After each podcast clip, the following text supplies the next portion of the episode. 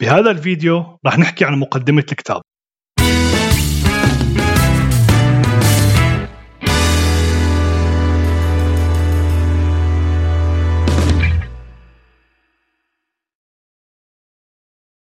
المقدمة الأولى هي مقالة للدكتور دانيال آمن دكتور دانيال هو طبيب أمريكي مشهور. متخصص بالطب النفسي وهو مدير مجموعة عيادات آمن المتخصصة بعلاج الأمراض العصبية. الدماغ البشري مسؤول عن كل شيء بنعمله بما في ذلك طريقة شعورنا طريقة تفكيرنا تصرفاتنا وتعاملنا مع الناس اللي حوالينا. من خلال عمل الدكتور دانيال بمجال تصوير الدماغ مع عشرات الآلاف من المرضى تبين معه أنه لما الدماغ يشتغل بشكل صحيح فالإنسان بيشتغل بشكل صحيح. ولما الدماغ يعاني من اضطرابات معينة فعلى الأرجح رح يعاني الإنسان من مشاكل بحياته. لما الدماغ يكون معافى فالإنسان بيكون أكثر سعادة أكثر صحة جسدية أكثر غنى أكثر حكمة وأكثر قدرة على اتخاذ قرارات صحيحة. وهذا الشيء بيساعد إنه الإنسان يكون ناجح ويعيش لفترة أطول. ولما يكون الدماغ غير سليم لأي سبب من الأسباب مثل صدمة عاطفية أو إصابة بالرأس فالإنسان بيكون حزين مريض فقير أقل حكمة وأقل نجاح. نقدر نفهم كيف ممكن للصدمة أنه تأذي الدماغ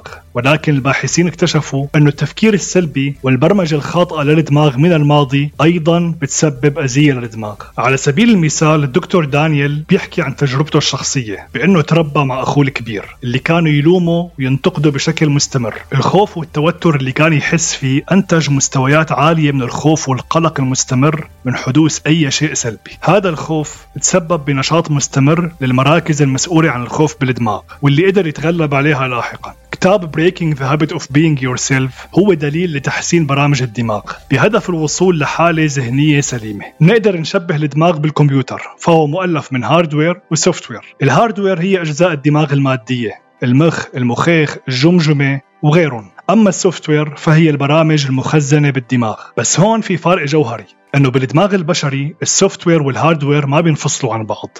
بيأثروا على بعض تأثير متبادل. فممكن للأفكار الجديدة إنها تعيد تشكيل hardware الدماغ والعكس صحيح ممكن أي تغيير ب hardware الدماغ نتيجة حادث معين مثلا إنه ينتج أفكار جديدة. خليني أوضح لكم هالفكرة بطريقة ثانية فرضا عنا كمبيوتر. ال hardware هي الأجزاء المادية والفيزيائية من الكمبيوتر الشغلات اللي بنقدر نلمسها مثلا مثل الشاشة ال mouse keyboard وغيرهم.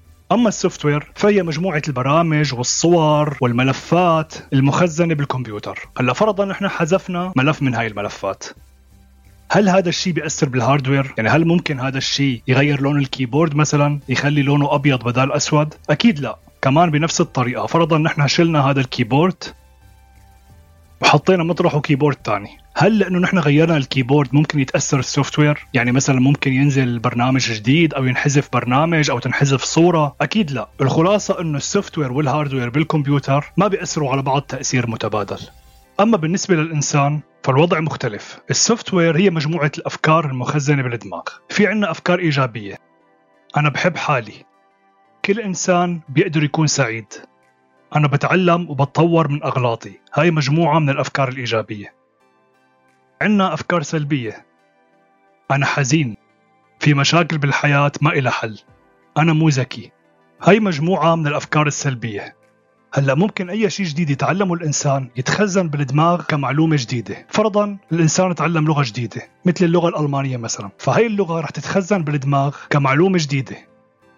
هذا الشيء رح يغير بهاردوير الدماغ نفسه. يعني شكل الدماغ رح يتغير لما تتخزن فيه معلومات جديدة أو أفكار جديدة. هلأ كيف بيتغير شكل الدماغ؟ وشو بيصير بالضبط بالدماغ؟ هذا الشيء رح نحكي عنه بالتفصيل بالفيديوهات القادمة. فرضا تعرض الدماغ لإصابة. وقعت عليه حجرة مثلا. فهذا الشيء رح يسبب ضرر مادي بالدماغ. فبالتالي ممكن الدماغ يفقد جزء من المعلومات المخزنة فيه. احتمال ينسى الإنسان اللغة اللي تعلمها.